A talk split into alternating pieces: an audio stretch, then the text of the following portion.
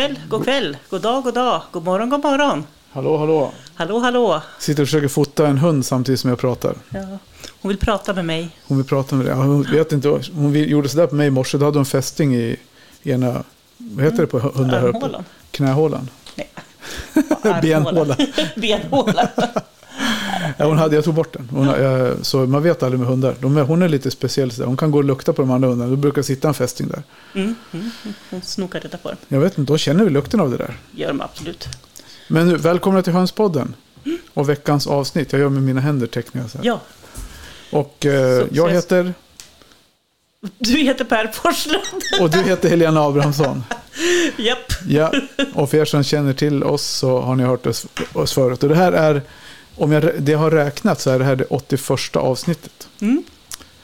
Det är lite coolt. Vad ska vi hitta på på avsnitt nummer 100? Åh, det måste ju bli något kul. Det släpper vi bara på Patreon. Ja, det är jättekul för alla. Ja, vi måste hitta på någonting i 100 avsnittet. Vi har Ja. 19 avsnitt på oss att fundera. Ja, men det är Eller 18, sen kommer det 100. Ja, Nu, har- nu har röd, det lyser rött här på en gäst, men hon får Ja. vänta i kulisserna några sekunder till. ja några sekunder till får, får hon hålla sig till tåls. Idag blir det lite grann en form av rasspecial och Mm. vad vi ska kalla det för. Och nu Ja. regnar det i alla fall. Ja. SMHI och John Pöhlman sa att det skulle inte vara någon regn ikväll. Mm. Men det hörs inte så mycket, jag hörde bara att det Nej, susade lite grann. Ja, ja, nu är det ett ganska milt regn ändå. Och- och Inte blir så det- hårt. Om det blir så sen, då vet ni att vi stänger av ljudet för att det inte blir något, för att det regnar. Ja, Nej, vi trycker väl in en jingel i så fall. ja, Ja, men vi har ju med oss eh, våran expert Sandra Mm. på, hon, hon, for- hon kan fortfarande inte säga någonting. Nej, precis. tråden. Eh, hon kommer få prata mycket ändå sen. Så, Ja. och hon ska prata om sin favoritras, Ja, araucana. araucana. Mm. Och vi, vi säger jag och blinkar åt dig har förberett jättemycket frågor. Men hon kommer nu, vi kommer inte börja fråga henne så mycket. Nej, Sandra och jag har nämligen pratat lite förut, så jag har fått en försmak vi av har det. väl pratat jättemycket. Ja, det har vi gjort. Men säkert om just eh, araucana, och det den ja, eh, gumplösa, rumplösa, ja, vill säga utan långa stjärtfjädrar. precis. Mm. Nu har inte jag någon Tarja hemma ikväll, idag. Nej, det, du har exporterat henne. Hon, jag är gräsänkling. Ja. Men tittar ut till vänster så ser jag höger för dig så ser jag gräset växer som fan. Så det är riktigt, jag, jag ska Ja. klippa gräs i helgen. Det har inte gått att klippa här för det är bara spöregnat i Ja. hela Sverige. Så. Snart på att ta fram lien. Ja, hönsen blir glada, det blir mycket gräs i hönsen. Mm. Nej men som sagt, så, därför så sitter, hundarna lite, just nu är de inte så uppstyrda. Nej, de är inte inne med matten idag. Nej. Och idag fick inte, hade inte Tarja bakat någonting. Nej, men eh, jag blev, gick inte lottlös ändå. Nej, Nej. Knä, knäckig äppelkaka, äppelpaj. Supergott. Det var nästan inga kalorier i den. nej. Inte så mycket socker. Nej men vi, hade Bara tre sorter. Eller? tre sorters socker. socker, ja. och sen var, men istället för havregryn så tog jag ju grynblandning. Just det. Så vi fick upp eh, proteinhalten. Så det var, det var ganska nyttigt ändå. Bra med, bra med fibrer också. Så. Men, men det lustiga med det där med baka, det är egentligen det att eh, innan jag träffade Tarja för typ 28 år sedan. Mm. så var jag, då, mitt liv då, då var jag den som bakade och stökade och höll på. Ja. Men sen blev det liksom att, jag vet inte. Jag ska inte säga att jag spelar andra fiol, men hon är så jävla duktig på det. Så jag kände väl att jag behövde inte Nej, hävda mig där. nej. Men jag kan. Ja, ja nej, men det var riktigt härligt att komma in och Kanel, till och med... Åh, det luktar gott. dofta kanel. Som om, det, som, du, som om det brukade lukta illa, jag menar inte så. Men lite extra gott. och nybakat. Av nybakat äppelpaj. Sen har vi, jag har, jag har en fråga som jag inte- har dragit med dig. Men jag, eh, som dök upp, som jag tänker när vi ändå har Sandra med oss. Så, Mm. så ska vi avhandla den eh, senare. Jag har egentligen två frågor, men vi får se om vi tar den andra på efterstängning. Mm, mm. Eh, så jag tänker att vi kör igång.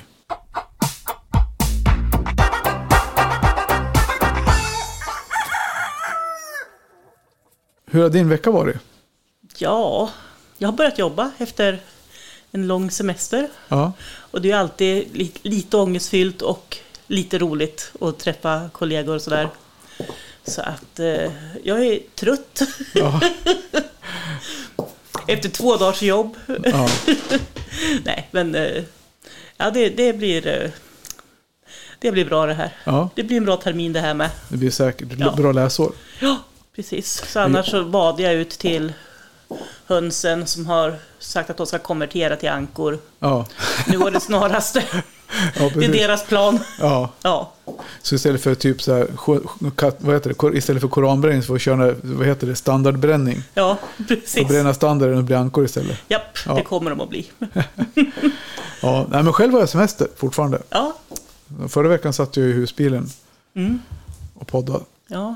Men du, det är inte så att du ligger på latsidan bara för att du har semester? Nej. Sa hon och tittade ut över trädgården och dess brist på träd, jag på säga. Ja, eller men precis. Färre träd. Ja, det, är ju, det, ja, det ser ut som i, vad heter det, 1300-talets England. När de, eller ja, typ när de började fälla träd för att göra kol och grejer. Ja, Eller var det senare? Men, Nej. eh, ja, men vi har tagit ner lite träd. ja. Och det är mest för, egentligen för att de börjar bli dåliga och det var dags. Och sen Mm. var det en kille som kunde hjälpa mig. Så vi fällde åtta eller nio träd igår. ja. Så jag, ja, jag är stel i kroppen idag. Mm. Nej, ja. Ja, och du tyckte, hur tyckte du att det gick att hänga med i tempot då? Ja, men han är ju proffs. Det gick ju, han kvistade en gran på typ 30 sekunder kändes det som. Det gick Ja. ju fruktansvärt fort alltså. Mm. Så, så sa jag åt honom sen att du, det var inte första gången. Ja, man lär ju styla lite, sa han på småländska. Ja, ja, härligt. så är det. Men eh, ja, så var det med det. Och nu går vi vidare.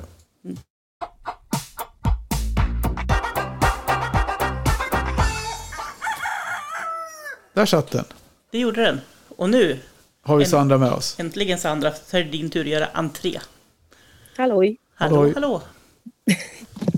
Så hur är läget med dig då? Eh, det är bra. Bara bra. Mm. Du håller också på att drunkna som alla andra. Ja, Börjat Väldigt- utveckla, jag höll på att säga ankfötter, men simfötter och gälar. ja, ankorna är glada här i alla fall. Det kommer upp mycket sniglar och sånt med. Just det. jag smackar på. Ja, ja och din eh, damm som vi visade någon bild på förut, som, när det var lite lågvatten, det, det är problemet. Ja, den inte. svämmar ju över nu. Ja, Det är väldigt mycket vatten. ja, jag förstår det. Ja, men du, eh, vem är du? Om det är någon som nu inte har lyssnat på podden förut och, och, och träffat dig där. Eller någon annanstans. Eh, jag Sandra heter jag då. Eh, bor utanför Uppsala. Eh, har alltid varit väldigt intresserad av fjäderfä. Ända ja, från barnsben. Sandra, vi pausar där så jag måste stänga hundarna.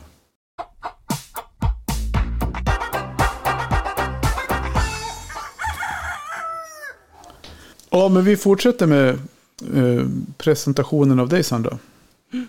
Eh, ja, vad var det jag sa? Du har haft hund sen, sen du var en tvärhandhög, Ja, kläckt jo. i ett rede. Nej. Ja, ja, men lite så kan man säga. faktiskt. Eh, så, ja, jag har haft höns eh, hela livet. Varit väldigt intresserad av fjäderfä hela livet. Och, eh, där under tonåren började jag intressera mig mer ute för avel och så med. Och rashöns. Mm. Så då började jag skaffa lite sånt också. Prova på väldigt mycket olika raser. Eh, och sen eh, där kring år 2000, vad blir det, 17 började jag ställa ut också. Mm. Eh, och då var det på eran utställning där, var premiär för mig. Ja, i Västerås. Ja, och sen har jag ju ställt eh, varje år då, sen dess, ja, de år som har gått om det inte har varit fågelinfluensa eller något annat. Så du, Ja. Men du är egentligen första gången du ställde var hos oss alltså? Ja, det var hos er. Jaha, vad kul. Men det har bara varit, jag var till Nationalen då och Ja. Besökare. Men eh, jag hade inte ställt ut innan. Jag hade sagt under lång tid så här, nu ska jag ställa, nu ska jag ställa. Mm. Och så hade det liksom inte blivit av någon gång. För jag var aldrig riktigt nöjd med det jag fick fram. Nej. men, eh, ja, men till slut när man väl kom igång där och så ja, har det fortsatt här. Ja, precis. Då, då rullar det liksom på. Då rullar det på. Ja, Med, med den äran får vi väl säga då. Det har ju gått bra för dig. ja, ja det har- det är kul. Ja. Ja, ja det, det var ju, måste man liksom också få vara lite bitter där. Det var ju ett år när din araukanahöna och min eh, var en dottupp hade samma poäng. Mm. Mm. Och, din, 2000. och din vann. Ja, precis. Ja, precis. Och då tog, det tog de på att det, det var svårare att få till vad Precis. skäggen du vann på tror jag. Ja, men alltså rasen i stort var svårare att få fram och fa- ja. Ja, men framförallt e- vissa egenskaper. Du, det sa ju domaren, men jag tror att det var Ja. att det var skägg. Det var svårt att få. Kan det vara det, Sandra? Den, den, just den hönan fick ju kritik på att hon hade lite för lite skägg. Mm. Eh, men eh, jag, jag vet inte, jag tror det var, alltså rasen, den är ju ganska knepig. Mm. Att få fram liksom riktiga praktexemplar av hur man ska beskriva det. Så Ja. Mm. de, har ganska mycket gener som kan vara lite svårstyrda och så här. Och, även där färgen, jag håller på med viltfärgade bland annat. Där jag pratar med lite olika domare vad, hur det ska vara och så, hur man tolkar i standarden. Mm. Ehm, att det kan vara lite svårt där. Och de verkar lite även så här eh, inte riktigt säkra på vad som är eh, det optimala viltfärgade araukanan. Alltså, alltså den Men för- korrekta, korrekta nyansen liksom. Men för att inte hoppa ur ämnet helt där, för det var ju det. Du vann ju Best in Show då, för domarna, när, när det kommer till två poäng som har samma, två djur som har samma poäng, då är det egentligen tupp över höna i första läget. Då. Men det är Ja. alltid upp till domaren egentligen att utse Best in Show. De får ju motivera. Och då var det det faktiskt som avgjorde när jag pratade med dem att Araucana är ett svårare djur att ta fram. Så även om du fick kritik för skägget så, så är det, var det just kvaliteten på, på ditt djur som gjorde att...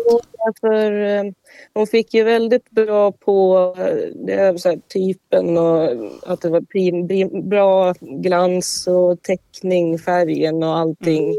Så det var i stort sett, eh, de sa det med, hade hon haft lite fylligare skägg, då hade hon varit en 97 va? Mm, Ja, ja, du ser. ja, så det var bra. Vi, vi är 14 minuter, vi ringer om. För att vi testar om det är bättre ljud. Ja.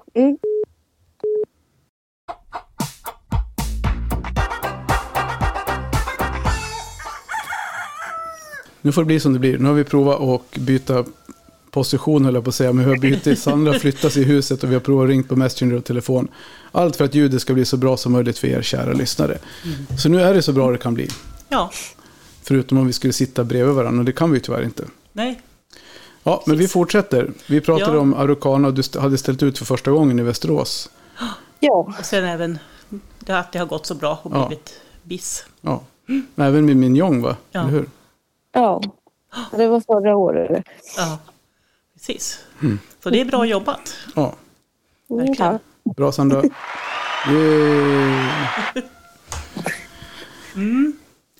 Men då, vi siktar in oss då på liksom själva rasen Araucana. Mm. Vad är det som fick dig att välja just den rasen? Va?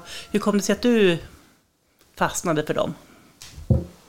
Eh, ja, jag kom i kontakt med den när jag var runt 14-15 år gammal för första gången. Eh, jag var mycket, tyckte om att trycka runt på nätet på hemsidor och kolla runt på olika hönsraser. Eh, och då kom jag in och fick se bland annat araucana. Och det som jag föll för då, det var ju främst eh, deras utseende. Mm. Tyckte jag såg så roliga ut. Och sen på det så att de skulle lägga turkosa ägg. Eh, och turkosa ägg är något som jag är väldigt förtjust i, har alltid varit. eh, och sen så blev det så att eh, jag senare köpte lite ägg utav dem och petade under en höna. Eh, ja, och sen den dagen har de funnits här. Ja. har blivit kvar då. Ja, och vad är det som är speciellt med Araucana? Vad är det som lockar? Alltså om man tittar på rasen, om du börjar med utseendet, vad är det som är speciellt för en Araucana? Hur ser de ja, ut? Ja, de är ganska, har ett ganska säreget utseende. Så det är, eh, som utmärker dem utseendemässigt, eh, det är ju dels eh, de är gumplösa. Mm. Och vad sen- innebär det? Ja, de eh, saknar ju flera koter. Så de har ju alltså den här gumpen, alltså prästnäsan som vissa kallar den för, med, Ja. som stjärt- stjärtfjädrarna växer på. Den har inte de. Så det är helt tom, tomt bak. Mm. De har ingen stjärt då. Men, men det finns ju Araucana som har stjärt också, men då är det en annan sorts Araucana. Ja, ja, det är engelska araucana. Ja, och den du har är ju vanlig, vad heter den? Det är araucana, Ja. heter de. Yes. Ja. Jag tänker som man ändå kan upp, näm- nämna det att den engelska kommer vi inte prata så mycket om idag. Eller vi pratar, håller oss till den. Ja, det är Araucana. Vi kommer att prata om. Sen eh, får vi se, kanske nämna den engelska lite senare också. Mm. Ja.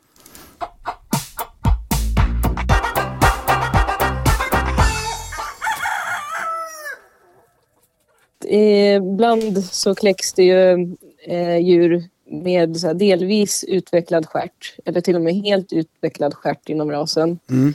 Eh, och eh, det här är sånt som förekommer. Ehm, Det behöver alltså inte vara liksom en blandras för det. nej, utan det är något eh, som förekommer inom rasen som man får selektera bort då i aveln. Och ibland kan det till och med vara bra att man sparar någon sån här med och använder i aveln eh, för att förebygga så inte ryggarna blir för korta på dem. Okej. För det här har jag tyvärr hamnat i, i träsket där ett tag. Att jag var för fokuserad på det här med att ja, men de ska vara gumplösa. Det får inte kläckas något annat än gumplöst. Och då blev man så himla hård i selekteringen att de blev för korta i ryggarna. Mm. Vilket resulterade i att jag började få kycklingar som fick svårt att bajsa. De blev förstoppade. För och det här, liksom att de orkar inte krysta ut skiten. Nej. Och eh, i början tänkte jag ju så här, eh, ja, de kycklingar, ja, det kan ju vara att de blir risiga i magen ändå eller något, att de kan bli förstås. Så jag hjälpte ju de här. Eh, och sen märkte jag ju året efter, men shit, nu kläcks det ännu fler. Va, Det här är ju genetiskt Mm. något skit så här som har ställt. Så då började jag istället bli väldigt hård och selektera bort de här som uppvisar de här problemen Mm. och försöka lista ut föräldradjur och ta ut med dem i aveln. Sen börja korsa in med gump och så istället. Mhm. Det tog några år. Eh, men, och det är inte helt borta än. Ibland dyker det upp en sån där. Men det är ju väldigt, väldigt mycket bättre. Ja. Så du menar på Att kycklingarna? ja, att jag Ja. kommer tillbaks liksom på banan. Men, och istället blir det ju då att det ibland kläcks eh, lite oftare med spröt, så här halvstjärt. Men hellre det då att de eh, kan bajsa ordentligt. Ja, ja. Mm. Och det var ett tag jag drog mig för att sälja avelsägg och sånt med. För jag ville ju inte sälja ägg där jag så visste att tänk om det kläcks kycklingar som inte kan bajsa. ja, precis. Ja, det vill man ju inte göra. Så jag blev väldigt så här, restriktiv med att eh, vilja släppa iväg några ägg till andra också. Men nu Mm. har jag börjat välja mer när jag märker att ja, men nu börjar jag få ordning på det här. Ja. Mm. Och jag har ju märkt med att det här verkar... Det är ju ingenting man läser som ofta på eh, ute i forum och det, som på Nej. Facebook och det. Men eh, däremot har jag ju fått in så här PM från folk och så på andra vägar och märker att ja, men det här är något som förekommer inom gumplösa Mm. som raser. Mm. Men det snackas inte så mycket om det och det är lite synd tycker jag. Eh, men det det kan- är en Det kan ju vara för att man inte vet vad det beror på. Nej, precis. Och jag har ju även som jag köpte in eh, ja, ägg ett år också och kläckte. Och så kläcktes det kycklingar som blev så ur det med och de var ju liksom helt obesläktade med de här. Ja. Och då frågade uppfödaren om det så här, "Eh, har du upplevt något så här? För nu har jag fått de här. Och då svarar ju personen att jo, ja, men jag har fått några sådana, kom det fram då. Mm. Och då tänkte man, ja men då är det inte bara mina, så här, utan det här, man fick liksom mer bekräftelse på att Ah. det här är någonting som Ja. förekommer. ja, precis. Ehm, nej men eh, så det kan vara bra ibland liksom att man sparar på lite någon sprötis. Ja. Ja, Alla alltså- korsar in. Ja, men alltså just det här att man kanske inte, i det här fallet då, inte bara använder standardenliga djur i aveln, utan att det faktiskt kan behövas Mm. annat också. Mm. Och jag tänker att det är ju ändå prio ett, alltså det handlar ju om djurvälfärd tänker jag. Mm. Mm. Absolut. Att de, att de ska ju ändå kunna bajsa, det känns ju bra. Ja. ja, och lika med det, blir de för korta med ökar ju risken även för vuxna hönor att de kan få värpnöd, att de inte orkar krysta ut äggen. Mm. Eh, det här har jag också märkt på araukanan att eh, de gånger jag har fått någon höna där ett ägg har fastnat, det är nästan jämt en araukana.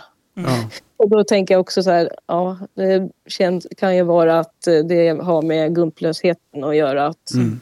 det blir någon förhöjd risk för dem att det kan hända jämfört med en höna med stjärt. Mm. Eh, och sen eh, det här av gumplösheten med om det kommer till, ja, förutom det där med avel, att man kan vara bra att tänka på vad för djur man använder och så. Och inte eh, snöar in sig för mycket på att det ska vara gumplöst. Liksom så här, att det gör inget om det kommer någon spröt ibland. Det är ju även det här, eh, eftersom de inte har någon gump, eh, så när de parar sig höns med stjärt, då viker hönan undan stjärten. Mm. För där. Det kan inte en gumplös höna göra. För hon har ju ingen stjärt.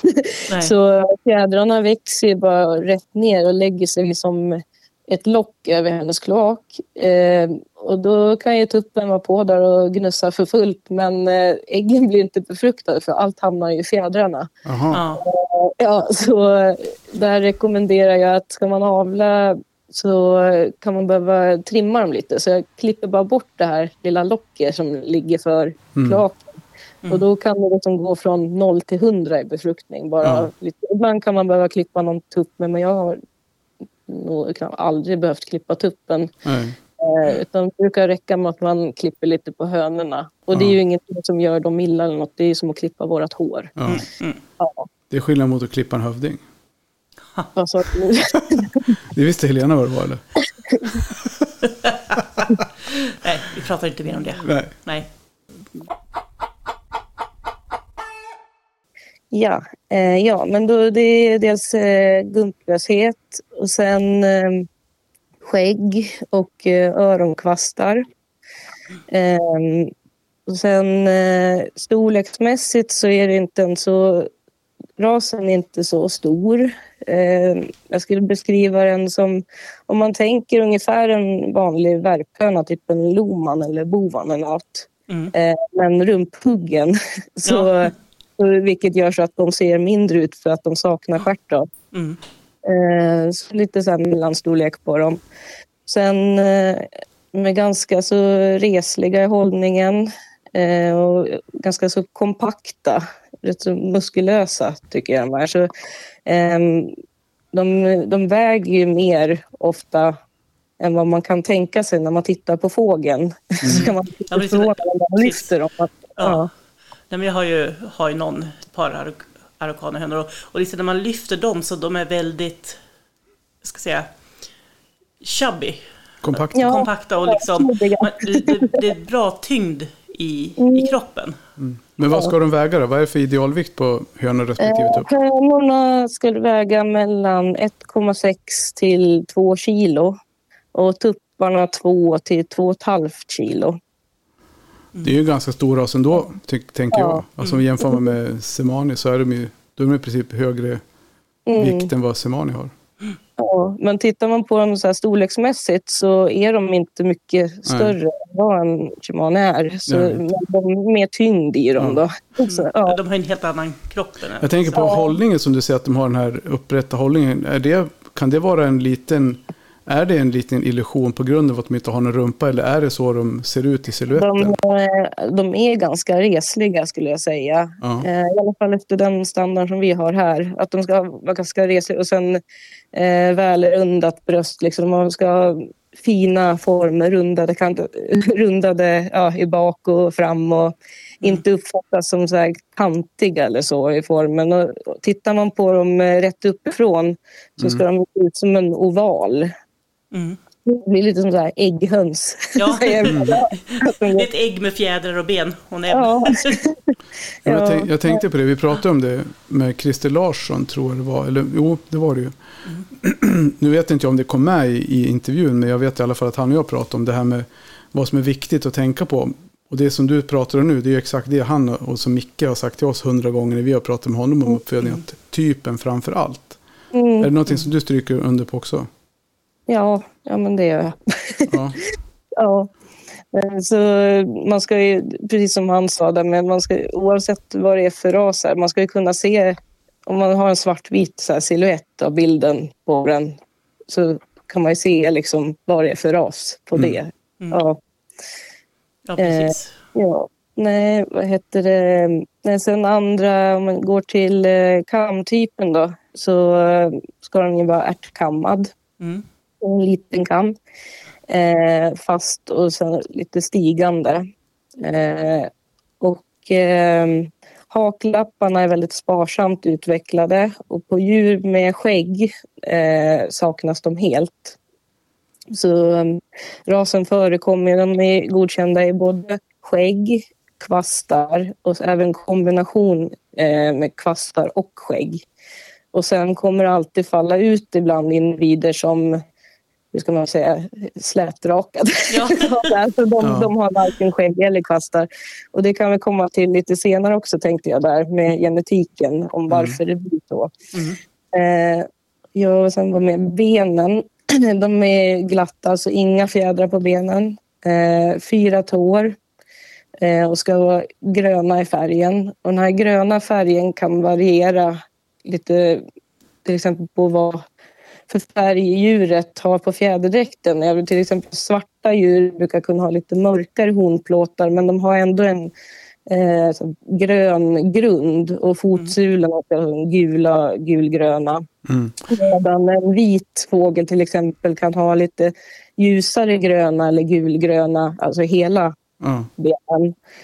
Jag tänker på, du sa plåtar, vad sa du där? Vad hette det? Eh, hornplåtarna. Hornplåtar. det- För de som inte hänger med riktigt, vad, vad, är det själva fjället på benet? Ja, det är eller? de här fj- ja, fjällen på benen och ner över tår Mm. och det. Skalen. Ja, ja, de som, om de får kalkben och det så är det ju de här som reser sig. Hornplåtar alltså. Ja. Mm. Där under ben, alltså benkvalstret. Det var så- nytt för mig också, det var därför jag inte riktigt helt nytt. Jag förstod på en Ja. gång vad det var, men jag tänkte så det är ju bra att skjuta in frågan. Jag tänkte på en annan bara fråga. Vi pratade om det här med kamtypen. Du sa att det var ärtkam. För de som inte riktigt, det kan man ju googla om man lyssnar på det. Men jag tänker ändå om man ser, man ser en, kan du beskriva hur en ärt- ärtkam ser ut? Lite enkelt. Eh, ja, ehm, den är ju, om man tänker, den är inte alls som en sån här klassisk tuppkam. Utan det är som en liten, eh, lite rundad i formen, skulle man kunna- som en ärta. Ja. Och tupparna är lite större och så brukar de kunna vara som lite treradiga med att om man tänker sig kammen som någon oval kam och så är det som eh, ja, ränder Så tre liksom Ja, precis. upphöjningar, eller ska man säga? eller som Åsar. lite små åsar, skår, ja. Okej. Det- ja. Och sen det där kan ju variera lite på raser och sånt med vilken typ av, det är lika med andra kamtyper med. Eh, att de kan variera lite i storlek och utseende vad som önskas inom Mm. eh, den rasen. Då. Men ja, ärtkam, en, en väldigt liten kamtyp, så här, med en liten ärta. Ja, Men, okej. men, men jag tänker också alltså strukturen på kammen. Liksom, är den då liksom lite knottrig eller? Ja, jag skulle beskriva den som en ganska slät, fin, kanske som lite så här äh, pärlad till slät. Ja, Så Mm. det är inga så här knöggliga eller stora gropar eller piggar eller så på den. Nej. Nej. Eh, och eh, den här kamtypen den är, den är dominant också. Så korsar man en ärtkammad fågel med till exempel en enkelkam Mm. då får man ju en ärtkammad avkomma. Mm. Förutsatt att den ärtkammade då är bär två anlag för ärtkam. Mm. Där enkelkam kan ju poppa upp andra överraskningar med så här, Ja. ja. Ja, men det, det är ett dominant anlag. Ja, ja, men Ja. precis. Ja, ja, men då har vi i alla fall redat ut lite grann hur, hur en sån kam kan Mm. tänkas ut. Vi, får, vi kan ju lägga ut en bild också på det så vi Vi, får vi har, se. det kan vara så att vi redan har fått bra bilder på Ja. Huvuden och kammar och Ja. allt Ja, möjligt. perfekt. Så att, Ja. Ja. men då går vi Vi- vidare. vi Du, du, var på, du var nere på ben och fötter och Mm. Ja, eh, fyra tår. ja, jag tror jag har sagt det mesta jag kan komma på för att beskriva Ja. bilden. Mm. Ja, Ja, en, precis. eh, en rund, lite reslig fågel utan stjärt med ärtkam. Mm. Eh, väldigt små slör eller inga slör alls. Skäggig, öronkvastar, gröna ben, Mm. släta gröna ben, fyra tår. ja. Och vingarna önskas ju ganska så här att de ligger mot kroppen ganska, och inte för att de, de ska inte hänga med vingarna eller så utan Ganska tajt mot ganska, kroppen. ganska tajt mot kroppen, högt Ja. ans- ja. Ja. Vad finns de i för färger då? Eh, ja, de finns ju i lite smått och gott om man tittar på eh, så här, eh, färger som inte är kända. Då. Mm. Och mycket blandfärger. Mm. Där jag upplever att de flesta Araucana här i Sverige, om man tittar runt, känns som att det är väldigt mycket blandfärger. Mm. Det, känns som det är ganska svårt om man vill avla färgrent Mm. att få tag på färgrena, ja, färgrent avelsmaterial. Då. Väldigt mycket blandade färger. Mm. Men eh, kikar man på det som ska säga, kan vara att jag glömmer någon färg nu. Men Ja, men av det ge, ge färg och ta. ja, som, vad som är godkänt här, då har vi till exempel det är viltfärgade. Eh, och så har vi eh, guldsvart vete. Sen finns det ju guldhalsad, eh, blå guldhalsad, eh, vit, svart, blå. Jag tror det var det. Mm.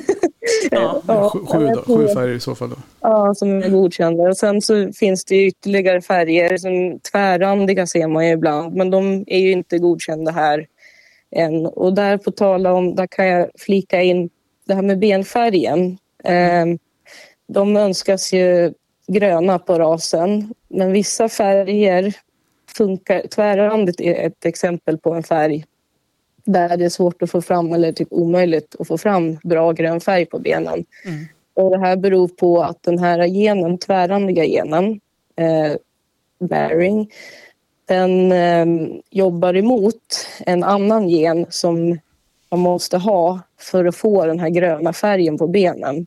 Mm. Eh, och det här gäller ju även eh, pigmenteringen i skinn och så. På, så det är därför till exempel om du sett tvärrandiga silkeshöns, Mm. att eh, de är inte alls så här mörka i skinnet. Och det har också att göra med den här genen som jobbar emot. Alltså den, den trumfar liksom de andra generna, kan man säga så? Ja, ja, det, ja.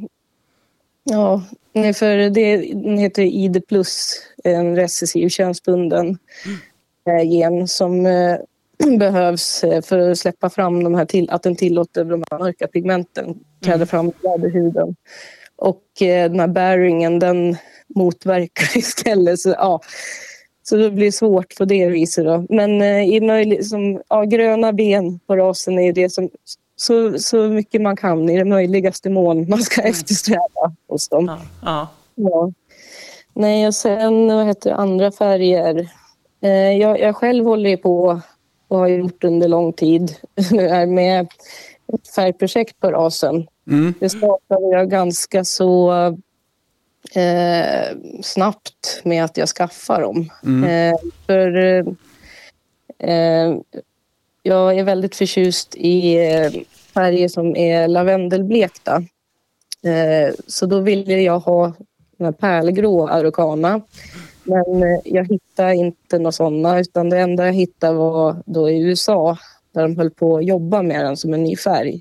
Mm. Och det var då jag kom in på att men kan de, då, då kan jag kanske också. så, här. Ja. så då startade jag ett projekt eh, med pärlgrå Araucana. Sen kom jag in på att jag, det blev, jag fick fram såna pärlgrå orangehalsade också ur det eftersom jag använde vilttecknade djur i starten. Mm. Och de här har jag hållit på med nu i runt 15 år här då. Mm. Och bör- börjat ställa senaste åren här nu. Ja. Och eh, förhoppningsvis i höst här nu då så kan jag kanske äntligen få den godkänd som en ny färg på rasen. Och då kommer den också hamna i standardboken. Det vore ju fantastiskt kul. Du var ju med. Det är Ja. roligt. Ja, vi hade ju med dig i, i reportaget från Nationalen då när du pratade om, om ditt färgprojektet. Mm. Och, och, jag tänkte också skjuta in en fråga där när du pratade om det här med färger och det. Alltså, jag tänker så här, för du, jag vet inte om du lyssnade på Christer Larsson förra veckan. Jo det, jo, det har jag gjort. Och han, han uttryckte ju lite frustration över det där, just det där med, med bland, att folk Mm. tenderar att bara blanda hej vilt utan att ha någon tanke på det. Hur, hur känner du inför sånt, du som har lagt ner 15 år för att få fram en färg? Hur, tänker, du med, hur tänker du just med det här med färgrenhet och sånt i, när man kläcker fram? Ja, det är lite som... Jag tror han nämnde det också. Eh, vissa färger så går ju att blanda och att man kan avla tillbaka. Alltså, om man har koll på hur genet fungerar Ja. så kan det funka och man kan avla tillbaka och så och få fram. Mm. Eh, och i andra fall kan det bara bli en pannkaka av alltihop. Mm. ja. Men eh, jag tänker lite som så här, folk alltså, de får göra som de vill liksom, känner jag. Så Ja, det, Ja, såklart. Jo, men jag tänker Eh. självklart, det är klart att du, jag känner ju dig som diplomatisk som du är, men jag tänker mer själva, hur känns hur- känslan liksom om man skulle sälja ett djur till någon och sen skulle de, då kommer du dit nästa gång och ska hälsa på eller du hör, ser några bilder så har man, då är det helt svartblårande liksom. Ja. Ja, det, är- alltså det beror ju lite på om man säljer kanske att man verkligen känner och hoppas att eh, det här vill jag få vidare nu, att man bevarar det här och avlar vidare på. Och så blandar det ut, då skulle man kanske bli lite besviken och Mm. ledsen. Då. Eh, för, ja, särskilt om det kanske rör sig om om det skulle vara någonting att det är mm, svårt att få tag på igen, att det lätt kan utrotas, försvinna liksom. Mm. Om, Mm. eh, ja, nej, då skulle det inte vara så.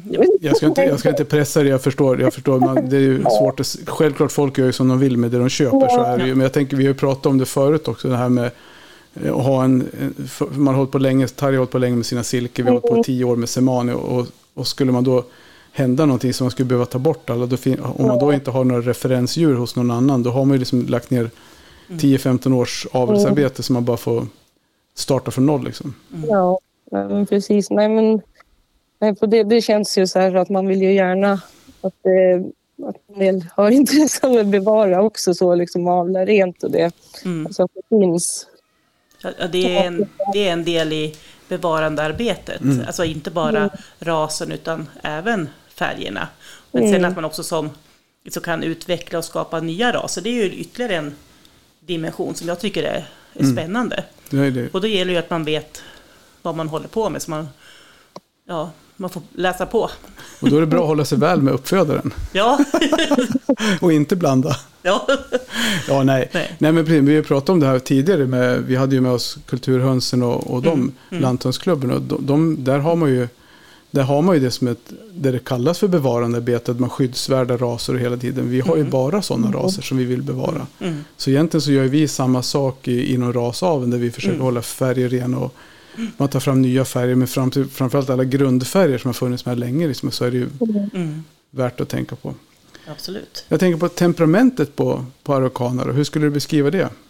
Eh, ja, jag tycker de, eh, jag upplever att de är ganska så aktiva höns.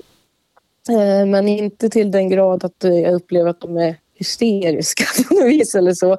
Eh, och inte heller någon segproppa utan eh, mitt tycke är att eh, de är ganska lagom. Så lite mittemellan och goda fodersökare och på alerten och så. Väldigt, väldigt nyfikna de flesta av mina Mm.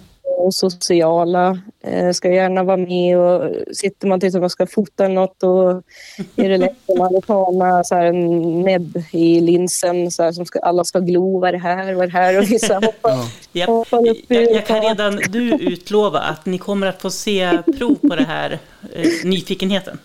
Ja, Japp. men så väldigt så här, eh, nyfikna och roliga. Eh, och sen har jag vissa som de gärna, hönor som här, flyger upp på axeln och hoppar upp i knät och egentligen utan att man behövt anstränga sig. Mm. Eh, för att, utan de är som kläcks så med den personligheten och är väldigt framåt och ska vara med en. Mm. Men sen har jag ju samtidigt eh, vissa andra individer som inte alls är så heller utan kan vara skyggare. Så det här eh, kan nog variera en del på linjer och så med för eh, det är inte bara eh, så här, mm, typen och ägg och sånt där utan även temperament och det har ju också genetiskt eh, vad man avlar på. Så det kan nog variera men eh, generellt säger jag att det är en väldigt trevlig ras tycker jag. Mm. Och sen mot andra höns och så med, ibland har man ju läst kring det här att de ska vara rätt elaka eh, och kan avskräcka folk liksom, från att skaffa dem. Och det håller inte jag alls med i att mina är eh, och aldrig varit utan de eh, Eh, De kan ju vara ganska så här, bestämda utav sig, tuffa höns. Så, och särskilt hönorna. eh, Och att de gärna vill ligga... Oj, ja. Ja, kan man säga att araucana är ingen mes? Nej, det var bra beskrivet. Ja, det var bra. Ja. Nej, men de lite rolig ibland. eh, eh, gärna eh, kanske, kanske ligga ganska högt i rang och så. Om någon muckar med dem, då backar de ofta inte undan utan då eh, muckar de tillbaka. Och Ja. Mm. ofta så kan det liksom att de ge, ger sig inte i första taget heller. Men det, Men det, det är inga så här mobbinghöns nej, eller så. men jag kan tänka om det där är väl som i samhället i stort. Jag menar, det är väl, om det är någon som är lite framåt och tuff så är det någon som känner sig kränkt och då är det någon elak som är tuff. Och det är väl samma hönsvärde. Det är bara så här, människor blir kränkta av tuffa hönor och, och höns Ja. känner sig kränkta av tuffa hönor. Så det är väl Ja. det som är samhället i stort. Ja, nej, jag- jag har ju så här um, mass, jag har ju haft dem blandat med alla möjliga raser. Allt från jag har haft någon dvärgsilke som gått med dem, chabo, eh, värphybrider, eh, lantras, hedemora, korsningar, eh, nakenhalsar, smått, alltså allt möjligt. Eh, Släktingar som också har rasen och så, som har blandade flockar. Det har aldrig varit något problem. Nej, det är, inga, det är inga mobbare liksom. Nej. Nej. Det, det är ju... Ja. Alltså, de har fått lite oförtjänt dåligt rykte låter det som. Hur, hur Alltså, jag tycker det, eller så är mina ovanligt snälla. Då. Ja, det är för vi pratar ju om det här med tuppar också. För att det kommer Mm. ofta... Den frågan ställs ju ganska ofta. Att, är, är tupparna snälla i rasen? Är, är de det? Eh, ja, det tycker jag. Eh, Det är, om man ska gå in på det här bossighet, då, tycker jag, då är ju hönorna värre än tupparna. Så det, och jag har jag har haft väldigt få eh, aggressiva tuppar i rasen. Jag kan eh, räkna på en hand. Mm. Eh, jag har haft, vad är det, typ 16 år ungefär där. Mm. Mm, Och det har varit väldigt få aggressiva tuppar. mm. Eh, Så ja, nej, de är snälla skulle jag säga. Ja, Ja. En, en annan fråga, för nu frågar jag på här. Helena hon stryker på sin lapp och jag, jag hugger frågorna från Jag tänker på en, en relevant fråga som jag tror många tänker sig. Framförallt att man ska välja ras och man ska ha en ras. Det är ju temperament, det är en sak. Är, är de trevliga att ha? Och det verkar som att det är en, en aktiv ras som man kan ändå ha som... Ja, de, de, är, de är ändå bra att ha runt omkring sig. Men jag tänker också på det här med äggvikten och storlek på ägg och så, hur mycket ägg de lägger. Liksom. Ta lite grann om... ja, ja, jag tycker min, de eh, värper ganska bra tycker jag. Eh, och jag upplever att de är rätt bra vintervärpare mina. Eh, under vintermånaderna så värper de nästan som bäst här. Medan en del av mina andra kan värpa sämre och pausa. Sen tar de istället en eh, liten paus här under våren eller sommaren då mina andra höns värper bättre istället. Så de byter ut varandra ganska bra. Och sen eh, äggvikten på de stora. Eh, de finns ju dvärgvariant också. Eh, men den stora aurokanan den ska ligga på mellan 50-55 gram. Jag tror idealet är 55 gram. Så det är ju ett ja, normalstort, standardägg. Ja, Ja. precis. som stora mesarna. ja, Ja.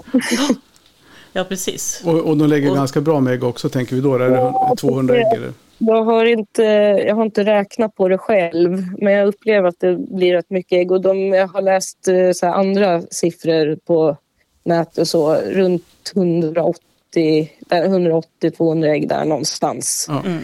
Under en höna, under hennes produktivaste tid då, med Mm. Vad jag skrivit efter. Ja.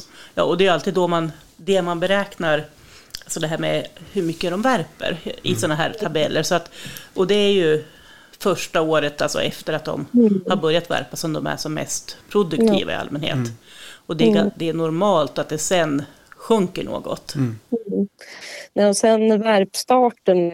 Eh, mina brukar börja vanligtvis eh, mellan där någonstans 6 till 8 månaders ålder. Det varierar lite på mina linjer. Eh, mina till exempel guldhalsade och eh, pärlgrå-orangehalsade de brukar kunna mogna lite senare. Mm. Medan mina viltfärgade lite tidigare haft någon som börjat redan där strax efter fem månaders ålder också. Men man skulle kunna ha mellan sex och åtta månader vanligtvis där. Mm. Mm. Ja, men precis. Alltså vad skulle du säga är det mest positiva med rasen? Om du ska pitcha dem till folk. Ja, men det måste väl vara, jag tror det är det här Men de är charmiga det där att de, jag gillar ju sociala höns. Mm. Så jag tycker det är kul liksom att ha dem att de vill vara med och ge och fikar och rätt Mm. eh, lätthanterliga. Sen de här fina äggen. Jag älskar ju de här äggen. Mm. De blir, och det är ju rent estetiskt. Jag, tyck, jag blir glad av att titta på de där färgglada Ja. Och plocka och... ja, och sen att de... Ja, men det är nog det. Mm. Och så ja, utseende, de ser roliga ut där med. Ja. Jag, har en förmåga, Jag fastnar på lite udda ras. Ja, ja vi, du och jag pratade ju om det privat igår, om det här med udda raser. Eh, men, eh, vad skulle jag säga, något negativt då? Nu är du så himla Ja. positiv. Finns det ändå Ja. något negativt? Ja, tyvärr så finns det ju det med. Mm. Eh, om man går på... Alltså, en negativ grej eh, skulle kunna vara eh, deras det här med ruvförmågan och det. Mm. För, eh, det där kan ju också variera inom individer och linjer och så. Mm. Men eh, där har man läst ofta att de tyvärr inte brukar vara så duktiga mammor. Och det här stämmer även bra in på mina. Mm. Så jag har ju en del hönor som gärna ruvar.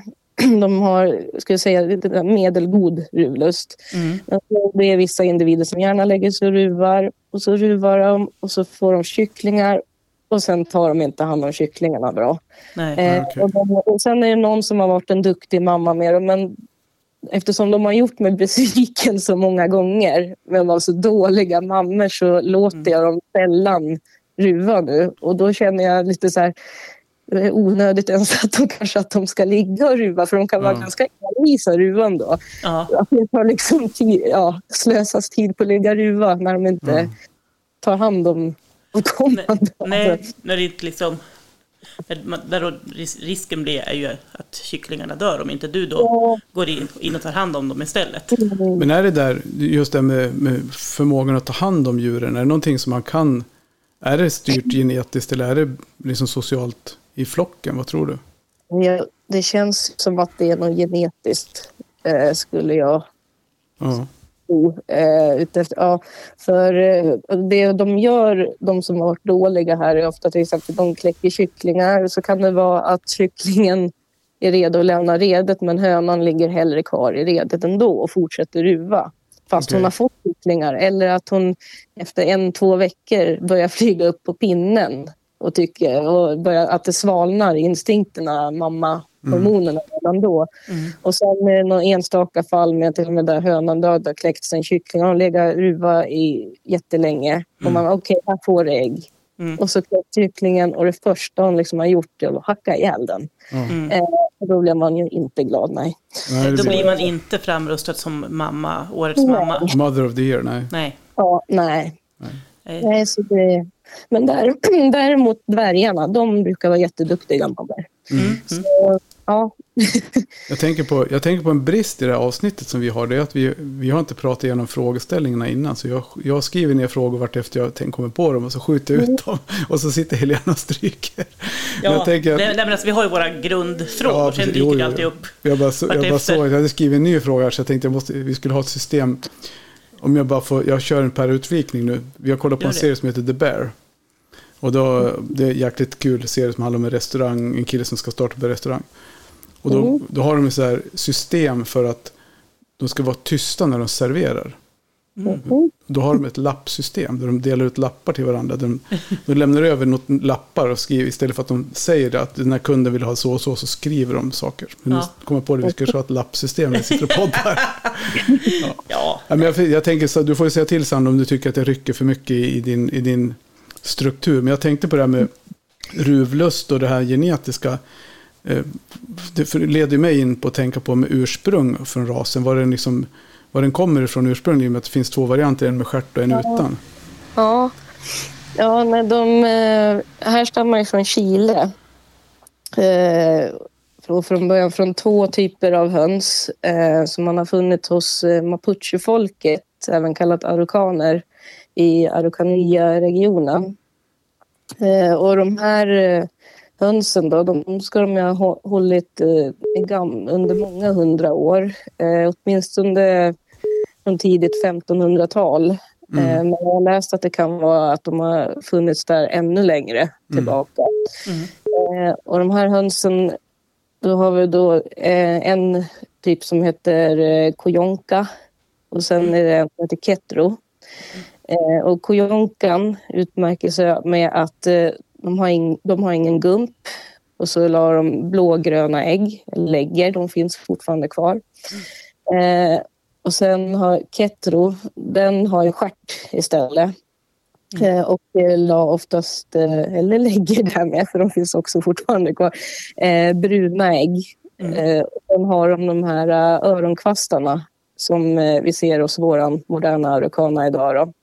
Och de här öronkvastarna med, det är också unikt för araucanan och, och ketro. Då. Eh, den enda rasen som har kvastar. Eh, Ja, okej. Ja, nej, så då är det ju, då har man ju genom de här två hundarna korsat fram, eh, korsat de två för Ja. att få fram det som vi har idag, en araucana. Mm.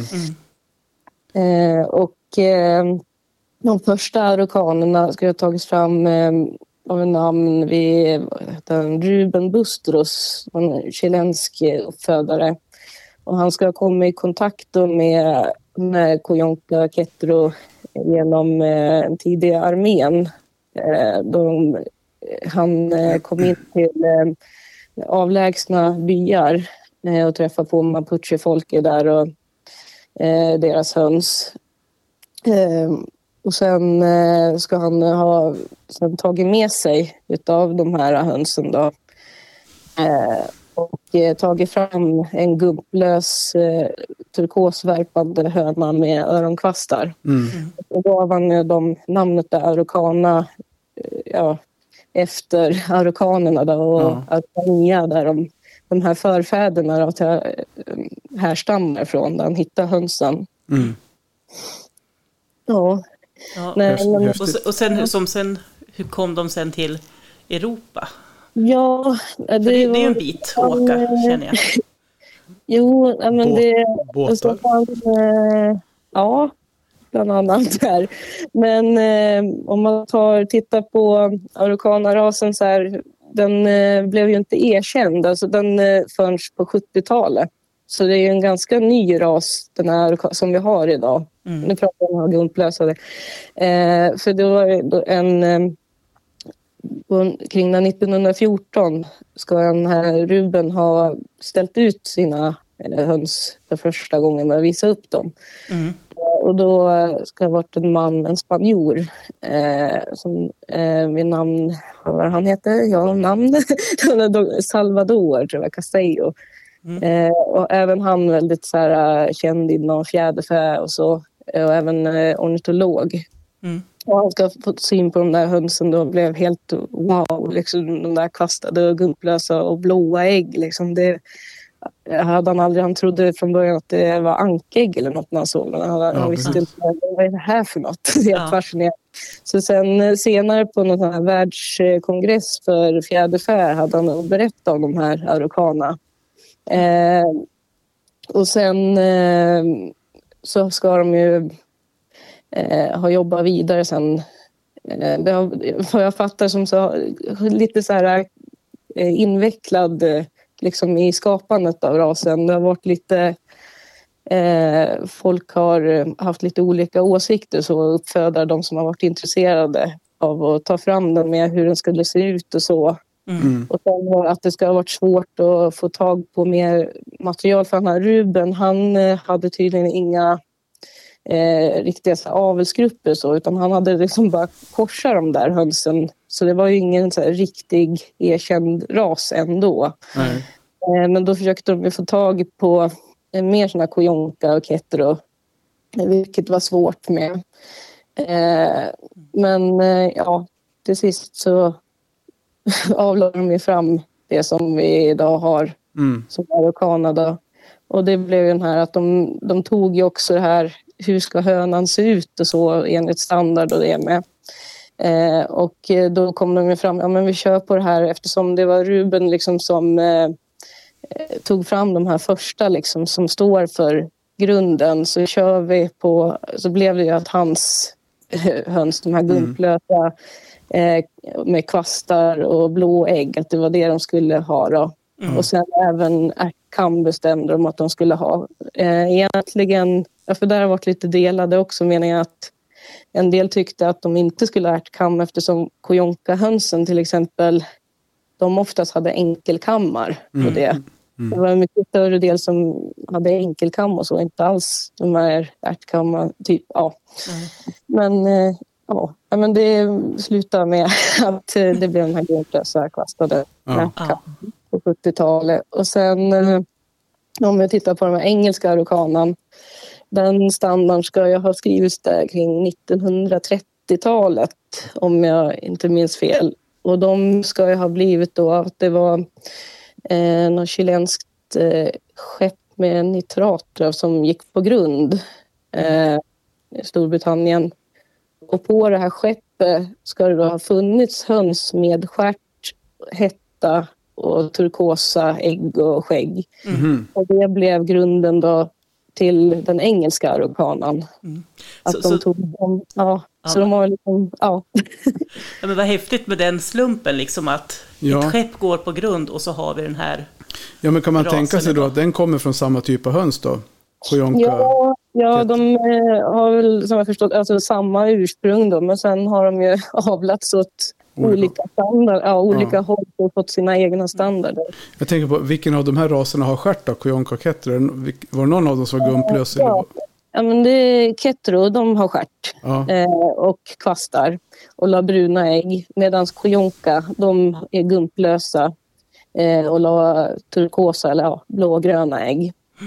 Så arokanan är ju... Och, eh, jag har tittat lite så här, jag hittade ju en dokumentär bland annat på Youtube. Jag kikar runt, tyvärr på spanska och jag är inte så bra på spanska. Men jag tittar lite där och där kan man ju få se, de har ju filmat liksom byar och så här där de håller såna här kojonka i Ketros. Och Det är ju så här lanthöns där. De, kan, de har ju de kan se lite olika fjäderstrukturer och färger och kamtyper och så. Mm. Så det som utmärker dem det var just det här kojonka, turkosa äggen och gumplösheten och ketrorna hade de här kvastarna. Då. Ja.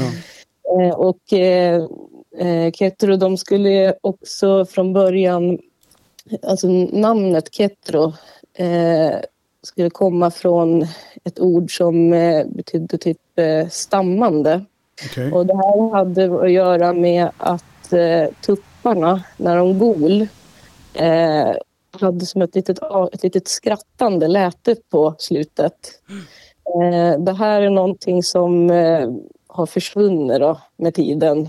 Så det finns typ inte kvar, det kan finnas lite någonstans troligtvis. Men eh, det är inget som man hör hos aurokanan vanligtvis idag. Då. Men det var det som de hade fått namnet ifrån, att de tyckte det lät som de typ skrattade stamma så det blev Ketro där. Okej. Ja. Häftigt. Ja, det var en, det var en mer omfattande berättelse om ursprunget än vad jag var beredd på, höll på att säga. Men det var, det var verkligen... Med eh, Vad sa du? Jag hoppas att ni hängde med så jag inte pladdrar på.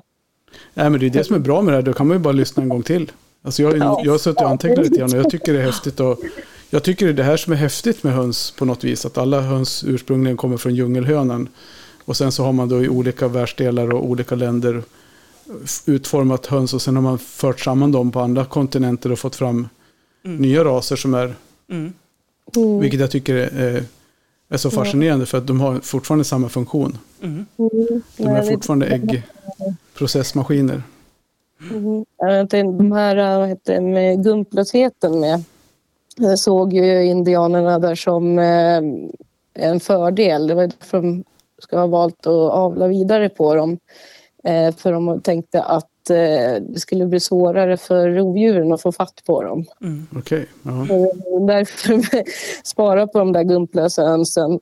Eh, medan de här kvastarna, eh, där har jag läst om några, några teorier om att det kanske kunde ha att göra med några ceremonier eller religiösa syften. Att eh, de kallar dem att de hade örhängen, de här hönsen, Mm, kvastarna. Ja, ja. för eh, kvastgenen i sig är ju tyvärr för fågeln ingen, eh, inget positivt egentligen alls, som man säger. Så det är en eh, sån här letal gen. Mm. Så, eh, vilket betyder alltså dödlig gen. Så den ger ju en sämre kläckbarhet och överlevnad i jämförelse med individer som inte har genen. Okej. Så det, det här är ju alltså om naturen hade fått gjort sitt så hade troligtvis inte den här mutationen överlevt. Nej. Utan det är ju att de av någon anledning ansåg att det var någonting som skulle sparas. Mm. Mm. Jag tänker på det, på det den här gumplösheten, om vi nu tänker så att ursprunget på en höna är att de har stjärtfjädrar. Det måste också vara någon, så från början någon, Ja, ja, någon det, avvikelse som har, som har vuxit vidare i ja, naturen så att säga. ja, men det är precis som eh, allt om man tittar på våra hönsraser idag. Eh, från början var de ju djungelhönsen och sen har det ju skett eh, olika mutationer.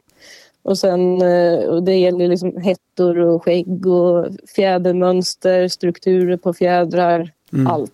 Så här kroppstyp och det. Och sen har människan ja, valt att avla vidare på så, Ja. Mm. och utvecklat nya raser och så. Mm. Ja, precis. Så att det är liksom, man kan ju liksom inte avla fram någonting som inte har funnits i generna från början. Mm. Däremot så kan man ju förstärka det genom att avla mer på det och så vidare. Så att det, ja, nej, det här som sagt var avelsarbete, det är Det är inte mer, enkelt. mer än bara ett ägg. Ja, Är det. verkligen. Det är det. Jag tänker att eh, Per, du hade funderingar också. Hade inte du en fråga till, annan fråga till Sandra? Eh, jo, faktiskt. Eh, jag ska se, jag skrev ner det i mina anteckningar. Mm. Vi kan göra så här.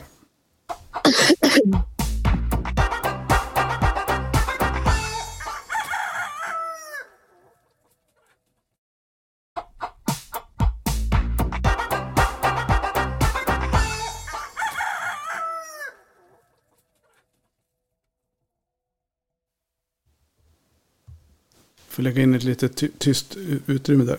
jag tänkte vi skulle ha kört eh, på efterstängning ägg som har legat ute. Fick jag en, en eh, fråga om. Eller om vi ska ta det nu i avsnittet. Och sen, eller om vi ska ta hur smakar ett dåligt ägg? Var som skrev idag? Såg Ja, jag just det. frågan. Den såg jag också. Ja. Mm. För jag, tänker, jag tänkte lite grann på lite mer om genetiken som vi... Ja, ja, det Att vi skulle kunna ta det i efterstängning. Mm, Som precis. lite fördjupning. Det kan vi göra. Det kan vi absolut göra. Så tänker jag också det med ägg som har legat ute kanske man kan ta i avsnittet då. Ja, Och då gör vi det. Då kör vi nu, tar vi lite silence.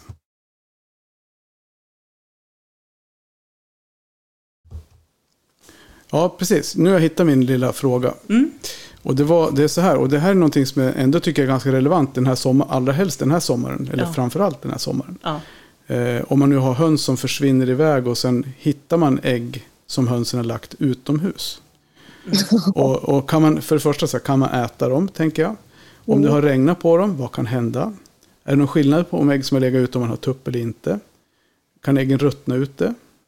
Och hur ska man göra eh, om man hittar ägg så här? Så jag tänker så här, för det första, jag, det jag har lärt mig, om jag utgår från mitt, då, så är att om ägg ligger ute och det kommer regn på dem så ska man inte äta dem för att det kan komma in bakterier. Vad säger du om det Sandra?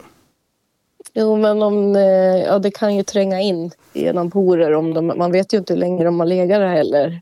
om det har legat smuts och jord och sånt på dem. Det. Eh, Men samtidigt så har de den här ketikulan med hinnan på skalytan som eh, verkar bakteriehämmande och stöter bort. Eh, och regn på det, det, det blir ju liksom annat om den inte skulle finnas. Om man gnussar bort det blir ju inte samma skydd Nej. på det viset. Eh, och sen beror ju på ja, om de har legat och fukt, fukt och sådär. Mm. Eh, Mm. ja, nej, jag skulle nog... Alltså om jag hittar en hög med ägg jag skulle nog börja med att eh, om jag ska använda dem att jag helt enkelt knäcker dem och luktar på dem. Ja. Man märker ju ofta, både, även ser, om Mm. ägget ser konstigt ut, om äggvitan kanske har någon konstig färg eller något eh, som kan tyda på någon bakterietillväxt eller så i, så kasta. Ja. Om det är okej ut så skulle jag nog käka. Ja. Mm. Mm. ja. Alltså till, tillag och, och käka i, i någon god eh, Ja. maträtt. Men är det någon skillnad om man har en tupp då? För någonstans så, jag tänker det måste bli ganska varmt i så fall. Då ska, Ja, om det blir... Eh, om det är väldigt varmt ute och om det är en tupp och äggen ligger på ett sådant ställe där de kan få upp temperaturen då kan det finnas en liten risk att celldelningen börjar. Mm. Jag själv råkade ut en gång. jag hade glömt ägg i bilen. Ja. Och det där låg där. Och sen var det det att eh, det gick, det låg där någon vecka, det var väldigt varmt. Och när jag knäckte det där ägget, då hade det var ju en liten spindel i. Det Ja. hade börjat utvecklas en kyckling i det där ägget av att ligga i, ja, i I bilen. bilen. Ja. Så, så det, det kan hända grejer, alltså om ägget kommer upp i en sådan pass temperatur. Mm. Men det kan man ju också lätt kolla genom att knäcka ägget. Ja. Ja, men precis, för, det jag tänkte också, kan, men en tredje punkten där, kan de ruttna när de ligger ute? Om de ligger för länge, ja. Ja, Det kan man ju göra inne också. Men om det är väldigt varmt ute och de ligger där, då ruttnar de snabbare och dunstar jämfört med om de står svalt. men hur, hur länge är för länge om man ställer en envis fråga? Eh, Det är svårt att säga kanske. Ja, det är svårt att säga. Men man, jag har ju haft ägg i kylskåp Mm. eh, som har varit okej även runt sju, åtta månader senare. Mm. Ja, du ser. Det är ju väldigt länge. De är inte så här, äh, jätte, så här fräscha, eller jag skulle beskriva, men de är fortfarande ätliga. Ja. Eh, det kan bli att gulan går sönder lättare på dem och lite mindre äh, blaskigare och så. Mm. Men fullt användbara fortfarande. Ja. Mm. Jag tänker på en annan sak som jag tänker på där. Det, är, alltså, hur, hur tycker du att man ska göra om man hittar ägg ute? Alltså hur kan man undersöka dem på för vis? Jag vet, ju, jag vet ju personligen att om man nu till exempel håller på att kontrollera befruktning så lyser man äggen och ser om det har hänt någonting i dem. Men det finns ju något som heter att man kan göra ett flytprov på dem och se eller ja, knäcka och kontrollera. Men vad tycker du? Hur ska man liksom göra? Vi slänger, jag, har jag ett ägg som jag hittar på backen som har legat ute, det slänger jag direkt. Jag chansar aldrig, liksom, för jag vill inte få in bakterier i det. Men om man nu känner ändå att man vill, de har legat ganska skyddat men de har legat ute, det kan ha kommit lite regn på dem. Hur skulle du så att säga, rekommendera att man gör för att kontrollera kvaliteten och så på äggen? Ja, man kan ju börja med att lysa ägget. För då ser man ju ganska snabbt om det är färskt eller om det har legat ett tag. Mm. För eh, luftblåsan, eh, ägget dunstar ju. Så ett nyvärpt ägg har ju eh, en väldigt, väldigt liten luftblåsa. Medan ett gammalt ägg har en väldigt stor luftblåsa. Så om det där ägget har en väldigt, väldigt liten luftblåsa och att det är varmare väder ute och så, men då kan man ju typ anta att det här är max ett par dagar gammalt, Mm. kanske bara någon dag. Mm. Medan skulle luftblåsan ut eh, typ en tredjedel av ägget, då, mm, då skulle jag nog kasta det, för det känns ganska gammalt. Jag har legat där ett tag. Ja. Mm. Eh, ja, jag sen flyttester där, ja, det visar ju på, då är det mycket luft i ägg om det flyter. Då. Mm. Att det har dunstat mycket, men det betyder, behöver inte betyda att det är dåligt för det. Nej. Till sist kan man ju knäcka och se om det luktar det är okej. Och det märker man fort. Explodera kan du ju göra i värsta fall. Ja, Ja, Ja. ja det. Nej, men vad bra, för det, det kände jag som en bra, det tyckte jag var en bra frågeställning att lyfta när man fick det på det där sättet. För det var ganska stor diskussionsråd på Facebook om det där. Mm. Mm, ja, man kan ju ko- kolla med så att det inte är sprickor eller något ägg. Om du, det Mm. kan man också med genomlysning. Då kan man ju upptäcka sådana mikroskopiska sprickor man Mm. annars kan missa. Mm. Och sprickor i då skulle jag kasta det också på en gång. Jag tänker så, för, för vi kikar ju alltid på äggen när, vi, när man tvättar av dem, när man har plockat in dem och sådär. Då ser man ju ibland att det är en spricka i dem och då brukar hon ju lägga dem till mig då. Då får jag. men, men samtidigt om det Jag är brukar ge mina sådana till hundarna, ja. Men det är lite tar- olika. Jag är Tarjasund. Nej, men om man tar, och äter man dem då, tänker jag, när de är nyvärpta, typ dagen efter eller inom några dagar, så hinner det ju inte hända så mycket. Men om ett, om ett ägg ligger med en spricka i skalet som du inte ser förrän du lyser den, eller vad är det som kan hända? Det kan krypa in bakterier i sprickorna menar du? Ja, ja, det kan ju komma in ba- bakterier där. Mm. Mm. Ja, och dåligt. precis. Men, eh, vad skulle jag säga? Ah, ah, det försvann. Ja. Ja.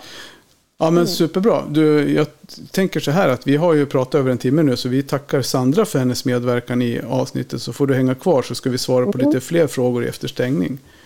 Så häng kvar Sandra. Just.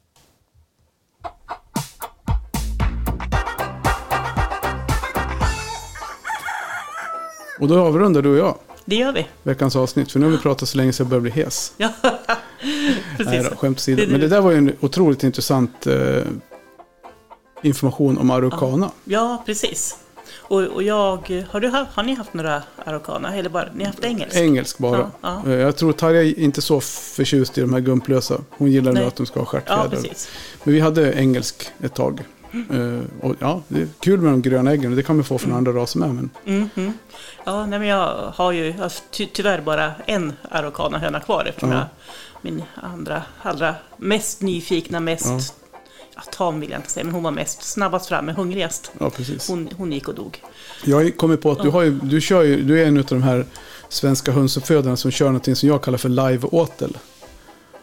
En åtel Ja. är när man matar vilda djur, men du kör ju det live med levande djur. Ja, precis. Ja. Det, det är mer spännande. Så. Det. Nej, nej hon, hon dog. Hon, dog. hon var faktiskt inte uppäten, utan hon, hon hade bara trillat ihop och dött. Ah, okej. Ja. Hon trillade av pinn. Hon trillade av pinn. Det har inte vi gjort, men nu har vi tappat sugen, höll på. Nu är vi klara för ikväll.